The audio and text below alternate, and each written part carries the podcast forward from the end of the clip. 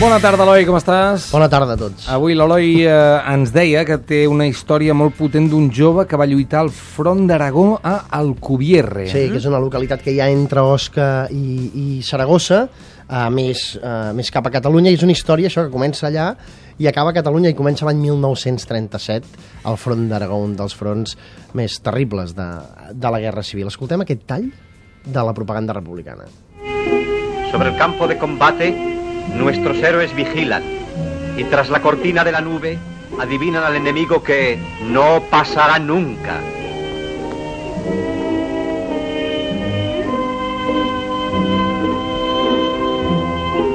Trincheras y refugios, nidos de tierra donde el miliciano oculta su ardor esperando la hora del combate decisivo. Trincheras y refugios, sepulturas de ilusiones donde la esperanza vive segura de su triunfo de libertad. Allò, eh? eh, Per animar, eh? Per, per aixecar els ànims d'un exèrcit molt tocat com era l'exèrcit republicà. Això ens situa, ens posa en context, el front d'Aragó, que és un front que comença quan comença la Guerra Civil i que va de nord eh, de nord des dels Pirineus fins a Terol, pràcticament fins a la Serra del Maestrat. Eh? I recordareu eh, les batalles de Terol, de Belchite... Mm. I és un front que s'acaba al març del 38, quan els franquistes el trenquen, no? arriben a Vinaròs l'abril, de re, 15 dies després de trencar el front i parteixen el territori de la República en dues parts. Mm -hmm. Per tant, estem en aquesta situació, en aquest escenari. Us he dit Sí. les batalles de Terol, de Belchite i una gran lluita per recuperar Osca. Escoltem. A una señal de alarma, salen de sus refugios nuestras milicias para ocupar el sitio que les fue indicado en la línea de fuego.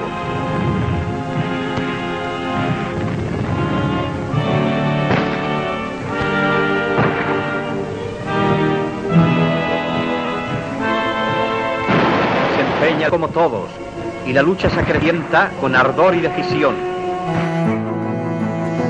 Estem situats, eh? Estem situats al front d'Aragó i d'aquí us porto una història de, del cubierre d'un noi de 16 anys, esclata la guerra quan tenia 16 anys, es, diu, es deia Pasqual Latre. I amb 16 anys l'envien a la guerra, eh? L'envien a la guerra. Ell és del Cubierre, com us deia, és el gran de cinc germans. El segueixen tres noies i un noi, la Josefa, la Pilar, la José Maria i la Carmen, que és la petita. Quedeu-vos amb la Carmen. Quedeu-vos amb la Carmen. La família és molt humil, tan humil que en Pasqual ha de fer tot tipus de feina, ja sent una criatura per poder alimentar. El pare fa de pastor, també es diu Pasqual, eh, per un sou absolutament miserable, però miserable. Eh? Eh, quan surt a pasturar ovelles, passa tot el dia amb un rosegó de pa i una arengada, Uh, la família mengen una sopa de patates, uh, és la seva alimentació, de carn ni la veuen, com a molt una mica de greix de xai que li donen al seu pare quan hi ha un xai, una ovella morta, això és la seva alimentació, i, i com deia, de tall no en mengen mai, mai, mai. I el jazz, al llit dels nens de la família, és un sac ple de palla, no? perquè es fa una idea.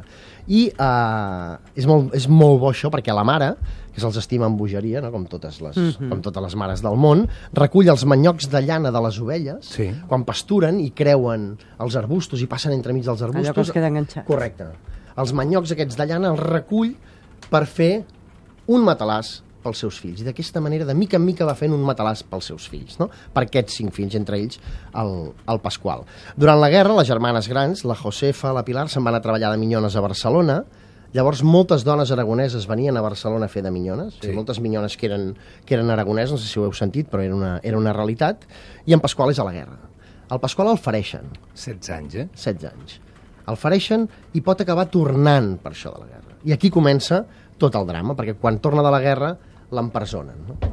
La Guàrdia Civil l'acusa de- d'haver detingut, d'haver menys tingut a persones de dretes i conservadores, i el que fan és eh, posar-lo a la presó, i la família només té una opció, que és buscar avals, no? buscar alguna persona amb un cert poder del poble que digui no, el Pasqual és una bona persona, no havia fet això pel qual l'acuseu i per tant pot sortir de la presó. Però no hi ha manera de trobar els avals. I ell, des de la presó, escriu a la família.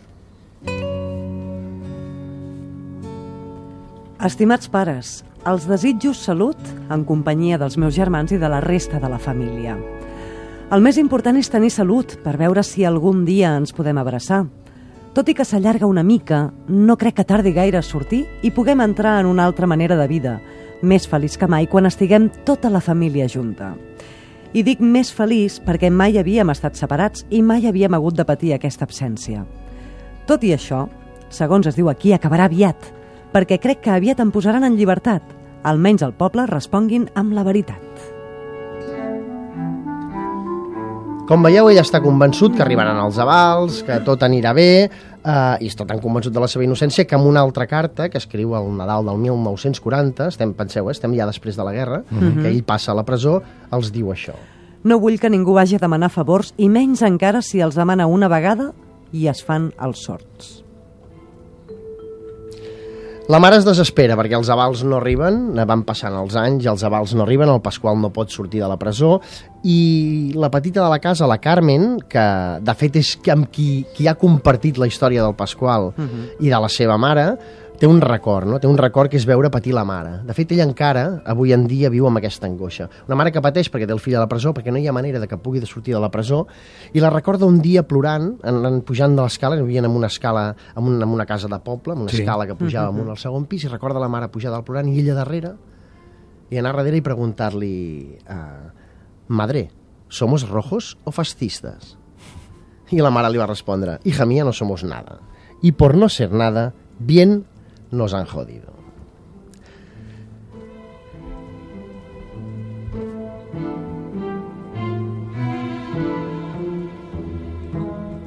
Res, que en Pasqual al final pot sortir de la presó, passen 8 anys i surt de la presó, i eh, ha de marxar del Cubierre, perquè ell quan torna al Cubierre té una feina, li donen una feina eh, de treball, vull dir, al, al poble, ell era, feia de manobra, feia de paleta, uh -huh. i, però era vexat contínuament, no? era menys tingut contínuament, per... Mm. Rojo. I, exacte, exacte, i llavors decideix marxar.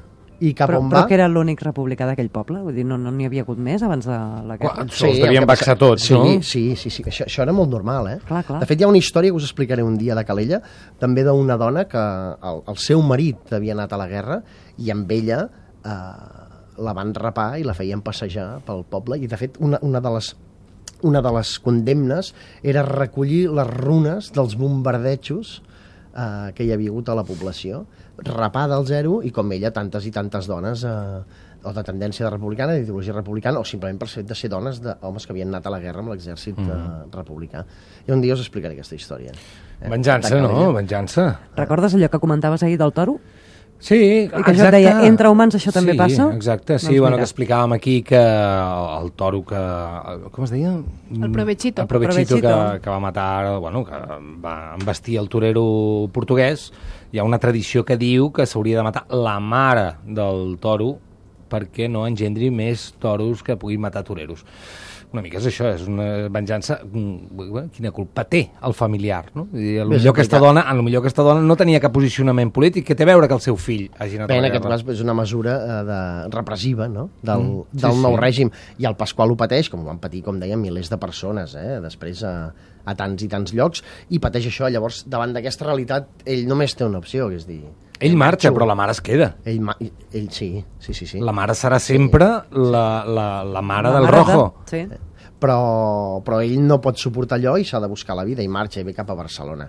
I ve cap a Barcelona a treballar de manobra, eh? que és una, el seu ofici ben havia fet una mica de tot, eh?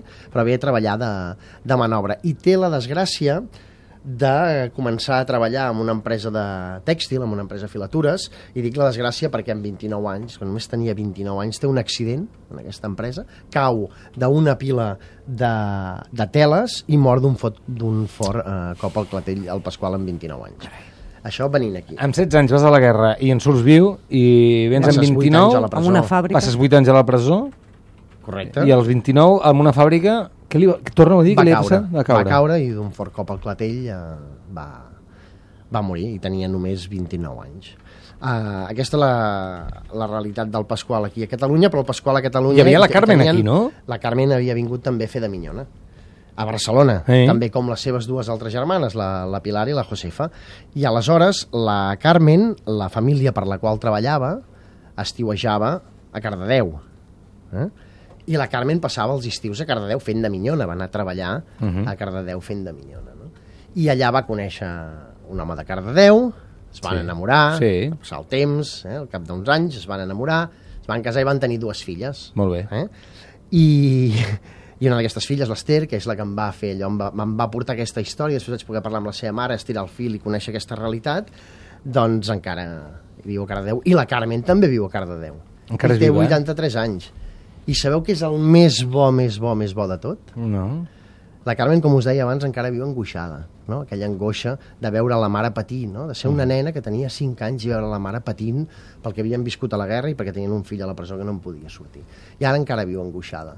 Uh, I pateix molt i ho té, com, ho té com molt integrat. Però sabeu que és molt bo. Què? Sabeu que la Carme, amb, 20, amb 83 anys, encara dorm amb el matalàs No. de llana, sí, sí, dels manyocs de llana que la seva mare havia recollit entre les bardisses del cubierre Hòstia. de les ovelles del seu marit per fer un jazz amb una mica de dignitat pels seus cinc fills. Encara ara, el 2017, eh, la Carme dorm amb aquest jazz. El mateix. Sí. Que bo.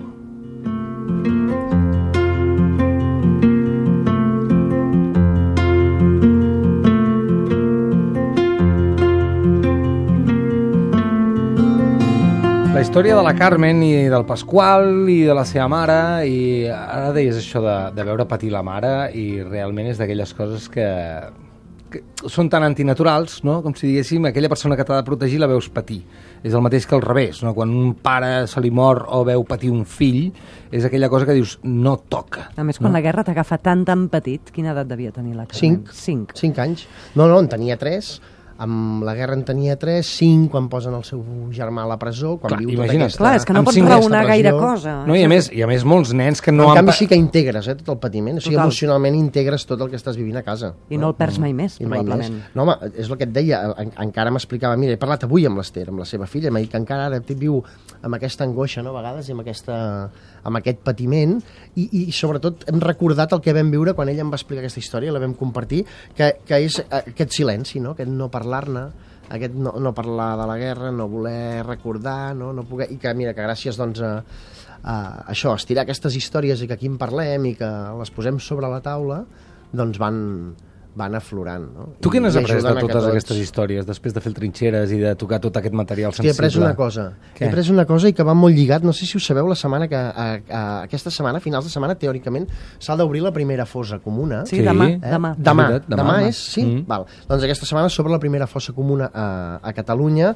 que forma part del Pla de Fosses. El Pla de Fosses, a Catalunya hi havia 380 fosses identificades, i amb aquest pla se n'han identificat unes 120 més, entre el Priorat i les Terres de l'Ebre, hi ha unes 500 identificades, i s'aniran obrint. De les restes òssies que apareguin, es intentarà fer una comparativa amb un altre projecte paral·lel, que és el Banc de l'ADN. Sí. No? I llavors, a partir d'aquí, fer unes comparatives. Un banc al qual tothom que tingui persones desaparegudes pot eh, anar-hi voluntàriament i fer-se la prova de l'ADN. I llavors comparant a veure si doncs, hi ha un resultat i la gent que té desapareguts pot acabar-ho trobant. Amb tant de silenci pot haver-hi molta gent que tingui familiars desapareguts i ni ho sàpiga. Sí, i molt probablement, no, i no, molt probablement no siguin catalans. Ho dic en el sentit que es poden acollir al pla, eh? això que quedi clar, es poden acollir al pla, mm. però ho dic que hi ha molt, molt soldat republicà que no són catalans, que van, eren aquí durant la guerra, Sí. i sobretot que hi ha molta Ui, fossa això ho va dir, comuna... ho va dir uh, David Pérez? El socialista que va dir que Esquerra i el govern aquí no volia obrir fosses perquè no era gent catalana. Ah. Va generar bastanta polèmica aquests comentaris. sobre el, amb el programa i el pla de fosses sobre la taula és evident que això no és així, eh? sinó que s'hi pot acollir tothom, sigui d'on sigui, i per poder fer aquesta comparativa. I, i, i molt probablement dic que els soldats, molts soldats no eren catalans perquè hi ha molta fossa comuna eh, que és eh, eh, fruit de l'ofensiva final, o sigui, la retirada republicana quan l'exèrcit franquista va ocupar Catalunya i tot l'exèrcit republicà va fugir. No? Bé, en qualsevol cas, he après que ara que hi ha aquesta realitat que és, hosti, recuperem la memòria històrica, eh, mirem eh, d'on venim, intentem curar totes les ferides que siguin possibles d'un drama com aquest que vam viure fa 80 anys, he après que el, la recuperació de la memòria històrica en una societat democràtica com la nostra al segle XXI només es pot encallar en un punt que és en el dolor personal de cadascú. O sigui, a- això de que qui no vulgui remoure, evidentment que no remogui, però ho ha de decidir ell. Que en qualsevol cas les institucions estan per dir-la ei, si vols remoure, aquí ho tens, no? Remou, que és el que ens convé a tots, no? I això és el que he après. Tens molta raó. Eloi Vila, moltíssimes gràcies. Que vagin molt bé. Eh, ens veiem la setmana que ve, no? O l'altra? O L'altre. l'altre. Encara no t'has a veure, president. L'Eloi. Adéu, adéu, adéu, fins L'Eloi després. Adéu, anem a 15 publicitat. Adéu, que vagi bé, gràcies, Lolita Eloi. ve quan no ve l'Eloi.